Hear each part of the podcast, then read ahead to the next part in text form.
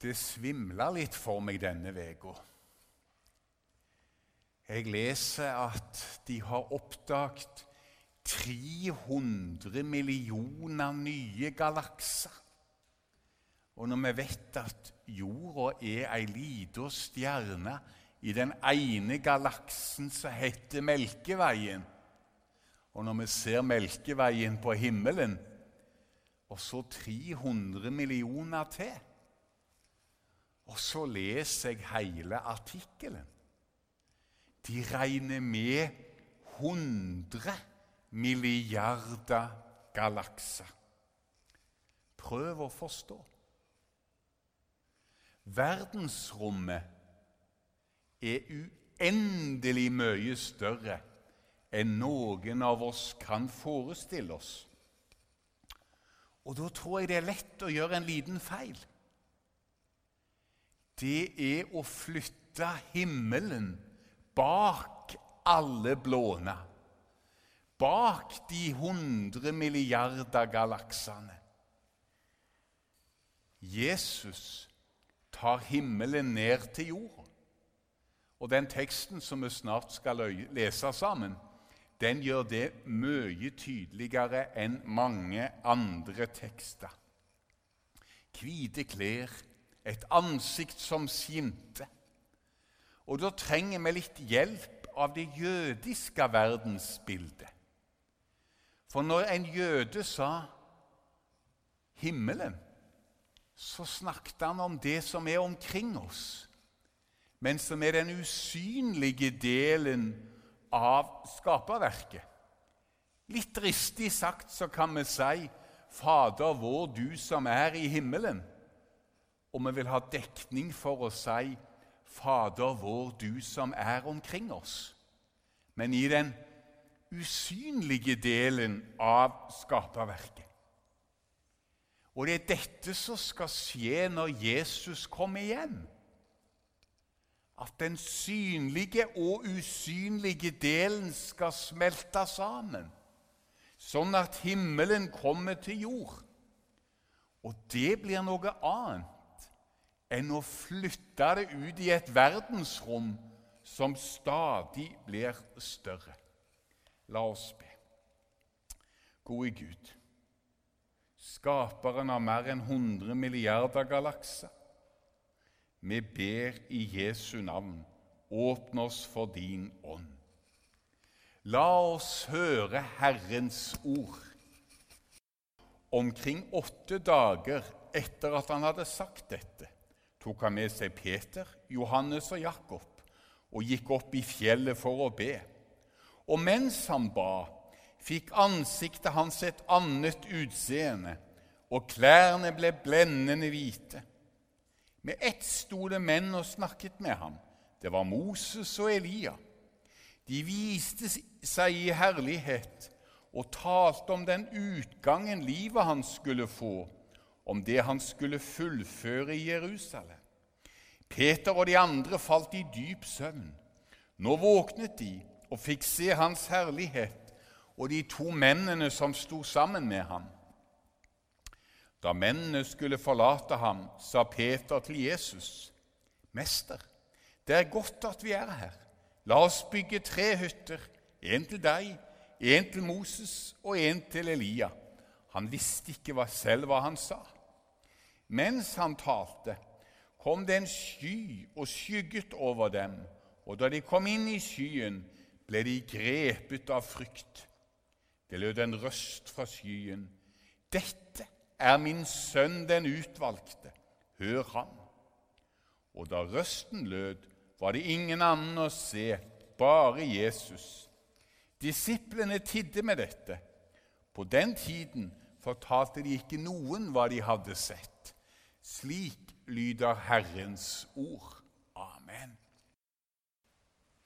Det er på en måte tre måter å kjenne på. Kjenne personer. Eh, det kan være f.eks. sånn som jeg kjenner Ingebrigtsen-brødrene. Disse guttene fra Lura. Det er liksom på det, på det lågeste nivået. For jeg har sett disse guttene én gang. Og det var for 14 dager siden, da jeg var ute og spaserte tur på Sandve. Så hørte jeg en virvelvind bak meg, og vips, så var det tre unge menn som var forbi meg. Men jeg rakk å se så mye som at jeg så at det var Ingebrigtsen-brødrene. Selvfølgelig, hvis jeg hadde vært i Oslo og de hadde sagt ja, du er fra Sandnes, du. Kjenner du Ingebrigtsen-brødrene? Ja, jeg møter de av og til, kunne jeg ha sagt. Eh, men jeg vet egentlig ikke noe mer om de enn at de er gode å springe. Så har vi dere på lura. Noen av dere har kanskje unger som har gått på skolen i lag med dem. Dere har møtt dem i butikken. Dere har sett dem på forskjellige steder. Jeg vil tro Øyvind har konfirmert noen av dem. Dere kjenner dem på en annen måte enn meg som bare har sett dem springe forbi. Så det er liksom forskjellige nivåer på hvordan jeg kjenner dem, og hvordan dere kjenner dem, vil jeg tro. Men så er det en som jeg gikk på skolen med, og han var forresten òg gysla god å springe. Han er onkel til disse Ingebrigtsen-brødrene. Og når jeg har sett sånne reportasjer på Dagsrevyen og dette her, reality-TV, så har jeg sett han i bakgrunnen noen ganger. Han har kjent disse guttene fra de var bitte små. Han møter de ofte. Han har et helt annet kjennskapsforhold til dem. Denne teksten innledes med at Lukas sier at de gikk opp i fjellet for å be. Og det var bare Lukas som forteller akkurat det. Både Matteus, Markus og Lukas har med denne fortellingen. Men Lukas er den eneste som sier de gikk opp i fjellet for å be. Og Da tror jeg Lukas vil henlede oppmerksomheten vår på noe av det viktigste vi kan be om, nemlig å lære Gud å kjenne. Å lære Gud å kjenne. Ser vi på bønnen i Bibelen, så er det en gjenganger. Mennesker som ber om å lære Gud å kjenne. Og Da er det jo litt artig at de svetter sammen og går opp på en fjelltopp. Men mer enn skjønner at bønn er noe mer enn å sitte på en stol, lukke øynene og folde hendene. Men det skjedde noe i denne bønnevandringen og bønnetimen som handla om at disiplene lærte Jesus å kjenne. Og vi trenger å lære han å kjenne. Nå er det sånn at jeg ikke lenger har tenåringer hjemme hos meg. Det er bare meg og kona. Men jeg husker de åra da vi hadde huset fullt av unger og liv. Og veldig ofte var kontakten med ungene på det nivået. 'Far, har du tid til å komme og hente oss? Kan du kjøre oss? Kan vi få låne bilen? Vi trenger penger.' Det var det sånn raske 'Dette har jeg behov for.' Og det er en del av bønnen. Vi skal aldri være redd for å be om det vi har behov for.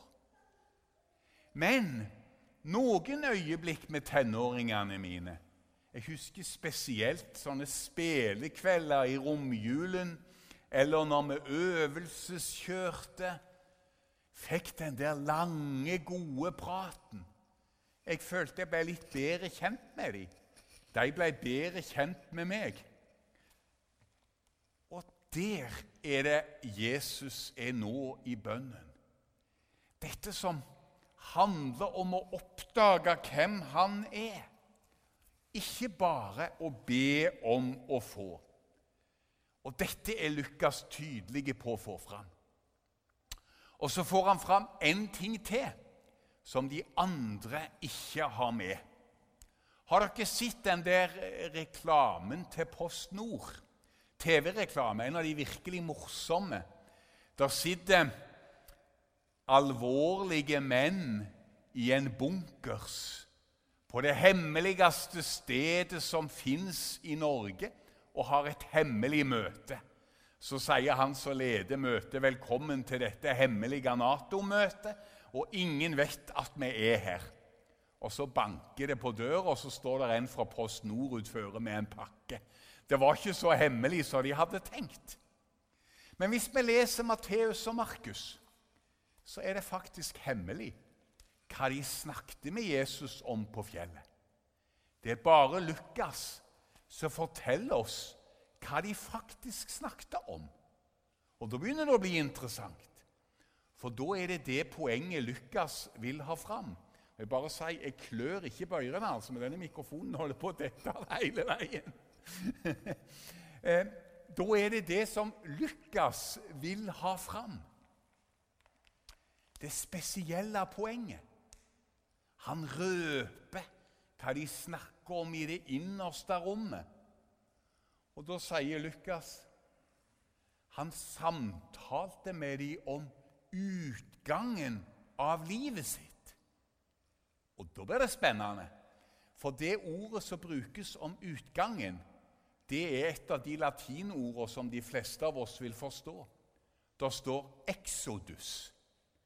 Og 'exodus' det var jo opprinnelig navnet på utgangen fra Egypt. Guds store frelsesgjerning.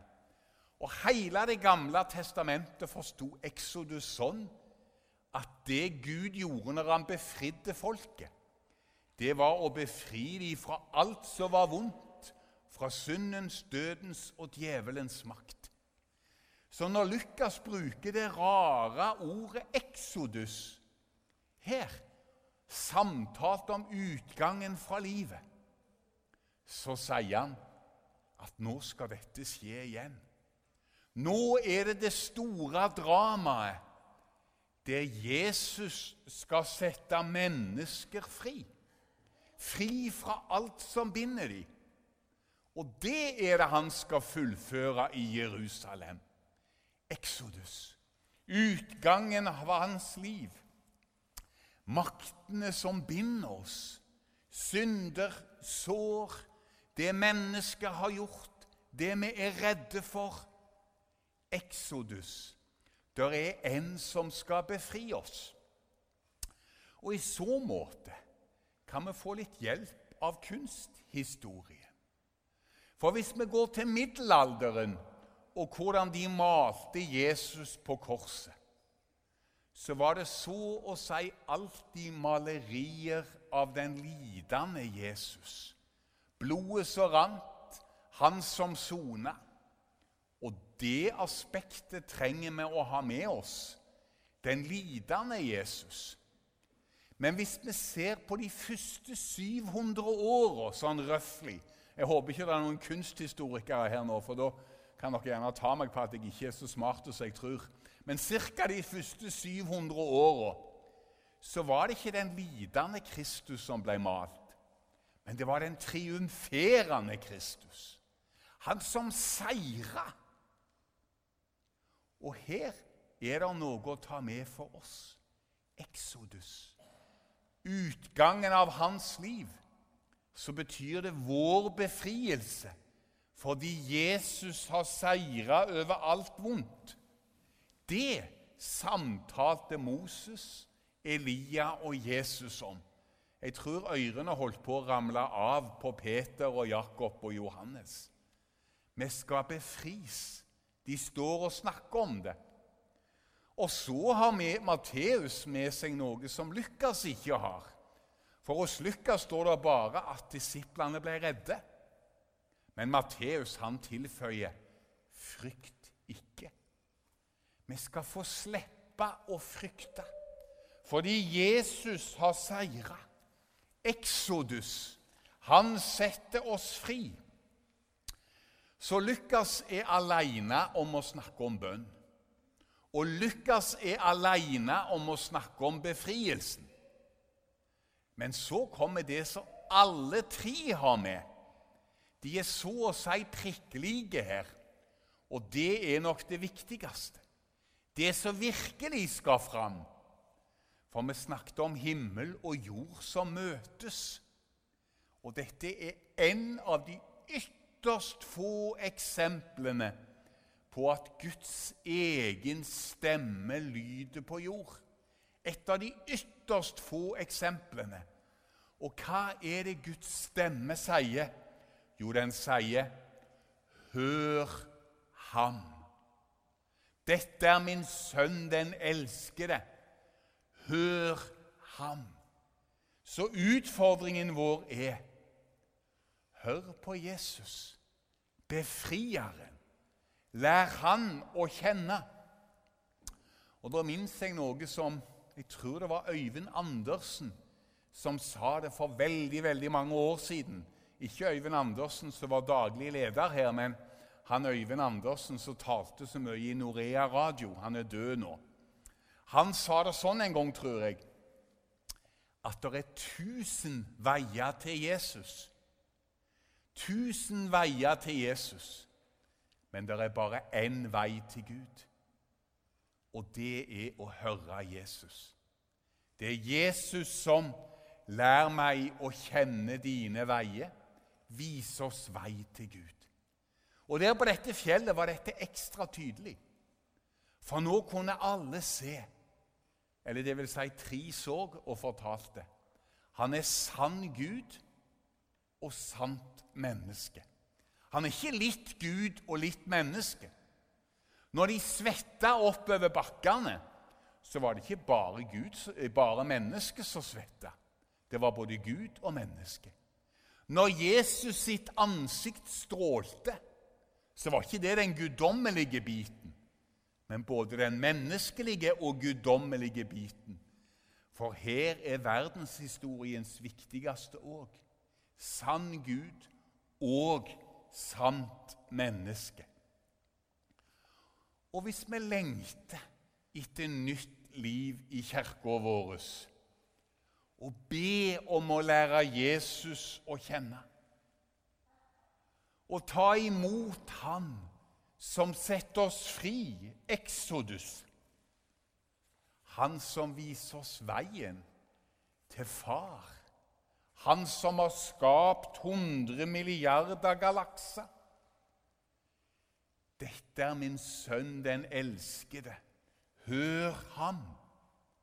Og så fascinerer det meg at både Matteus, Markus og Lukas de har det skinnende, de har fjelltoppen.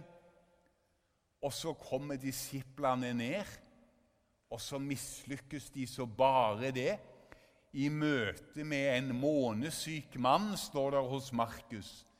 En gutt som har sannsynligvis epilepsi, som de ikke klarer å helbrede så kommer det på en måte fram at de ikke klarer å helbrede. Det er den der fantastiske historien der faren sier 'Jeg tror, hjelp min vantro'. Og jeg syns det er flott. Opp i den høyden, og så helt til bunns. Dette klarte vi ikke. Det er rom for begge deler. Ikke sånn som jeg opplevde det på en gudstjeneste som jeg hadde en annen plass på Sandnes. Der hadde det vært veldig flott lovsang. Alle sangene var retning 'Stor er din trofasthet'. Den typen sanger, og det skal vi synge. Men så var det et ektepar som kom fram etter gudstjenesten, der hun hadde fått fri fra Åse Lindrande, og det gikk mot slutten av livet hennes. Så sto de begge to med tårer i øynene, og så var det han som førte ordet, og så sa han til meg det var ikke noen ting til oss her i dag. Den traff. Det var ikke noen ting til oss her i dag. For jeg tror vi av og til selger kristen tru som det som skal ordne og fikse alt. Men det er faktisk ikke sant. Og det viser dette kapittelet. Ansiktet som skinner Disiplene som mislykkes og det kviner. En desperate far som roper 'Jeg trur, hjelp mi vantro'. Han som Exodus, han som satte oss fri. Det viktigste kjennetegnet i hans kirke, det er faktisk en galge. For korset var en galge og ingenting annet. Tenk på Paulus sin omvendelse. Fantastisk. Utenfor Damaskus så møter han lyset. Han hører Jesus sin stemme. 'Saul, Saul, hvorfor forfølger du meg?' Og så skjer det at Paulus får gripe hvem Jesus er. Så er han tre dager stokk stein blinde. Og så kommer Paulus sin aller første sjelesorgsamtale. Og det er han som er til sjelesorg hos Ananias. Og da sier ikke Ananias, 'Saul, min bror, nå skal du få oppleve mye herlig.' Men han sier, 'Saul, min bror, du skal lide for dette navnets skyld.' Men så bæres vi hele tida, når det er på toppen, når det er i dalbunnen, av Exodus, av Han som har triumfert over syndens, dødens og djevelens makt. Både på oppturen og nedturen har vi lov å tenke det er noe som er fullført i Jerusalem. Han har aldri lovet oss et enkelt liv, men han har lovet oss at han er med oss alle dager inntil verdens ende. Så er det mange program for å på en måte skape nytt liv i denne kirka vår. Kirkerådet har et spennende program. Naturlig kirkevekst NAMU de har et spennende program.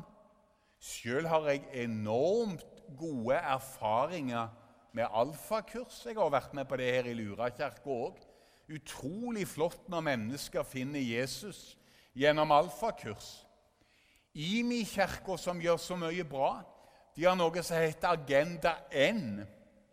Jeg kritiserer ikke noe av dette. Jeg ønsker alltid sammen velkommen. Men poenget i dag er hør ham. Vår kirke trenger, jeg og du trenger, et tydelig møte med Jesus Kristus. Han som har seira. Han som har fullført. Exodus, han som setter fri. Og jeg er så sliten av disse tåpelige debattene som bare tømmer oss for krefter. Homofili, ja vel. Liturgi, skal vi diskutere det nå til vi blir blå i trynet? Og miste hele fokuset. Det kan i hvert fall se sånn ut hvis vi skal lese litt i avisene. Og jeg innrømmer gjerne det siste vi trengte nå, var en uklar uttalelse fra biskopene knytta til det ufødte livet. Vi trenger å skjære gjennom alt dette. Og da viser Lukas oss en vei i dag bønnen. Bønnen om å få lære Han å kjenne. Jeg brukte bilde og øvelseskjøre med ungdommene mine og få den gode praten. Det betyr det å lære Han å kjenne. Å settes fri. Exodus. Hør Ham. Og så er det sånn at de færreste av oss får sånne turer til toppen der Jesus sitt ansikt skinner. Men heldigvis er Lukas lege, så han gir oss en resept for dette som absolutt alle kan bruke. Og Den resepten finner vi i hans andre skrift, i apostlenes gjerninger. Der sier legen de holdt seg trofast til apostlenes lære og fellesskapet, til brødsbrytelsen og bønnene. Derfor utfordrer jeg meg sjøl og dere som nå er på denne gudstjenesten. Be ei stund framover, nå når vi går inn i fastetid og fram mot påske. Be om å få lære Jesus å kjenne. En av de viktigste bønnene vi kan be, og som vi trenger å be alle sammen, uansett hvor godt vi allerede måtte kjenne Jesus og be om å få lære Han å kjenne. Og så, når vi ber om det, så kommer det tanker og hindringer opp i hodet vårt. Gi de tankene og hindringene til Gud. F.eks. hvis du tenker 'La meg få lære deg å kjenne', og så kommer neste tanke 'Det nytter ikke for meg'. Da skal du si 'Gud, du ser nå tenkte jeg, det nytter ikke for meg'. Den tanken gir jeg til deg. Eller vi tenker ah, 'Dette har jeg nå bedt om før'. Ja vel, så si det. 'Dette har jeg nå bedt om før'. For da får du et møtepunkt med Han som vil at vi skal lære Han å kjenne. Og så er det dette ordet, da. Å åpne vår bibel. Og ingenting er nyttigere enn å lese evangeliene som handler om Jesus. Gjør det på din måte, men la det være regelmessig. Og få del i det budskapet som gjør at vi lærer Jesus å kjenne. For det som da skjer, er at vi hører ham, sånn at han får prege og forme livene våre. Det hører med på vei opp til toppen, på toppen, på vei ned fra dalbunnen. og få høre Jesus og få tilhøre Han. Og Hvis dere ikke husker noen ting fra denne preika, så husk ordet Exodus. Han som setter fri fra alt som binder mennesker. Det var det samtalen dreide seg om. Det var det han har fullført i Jerusalem. Ære være Faderen og Sønnen og Den hellige ånd, som var og er og blir en sann Gud fra evighet og til evighet.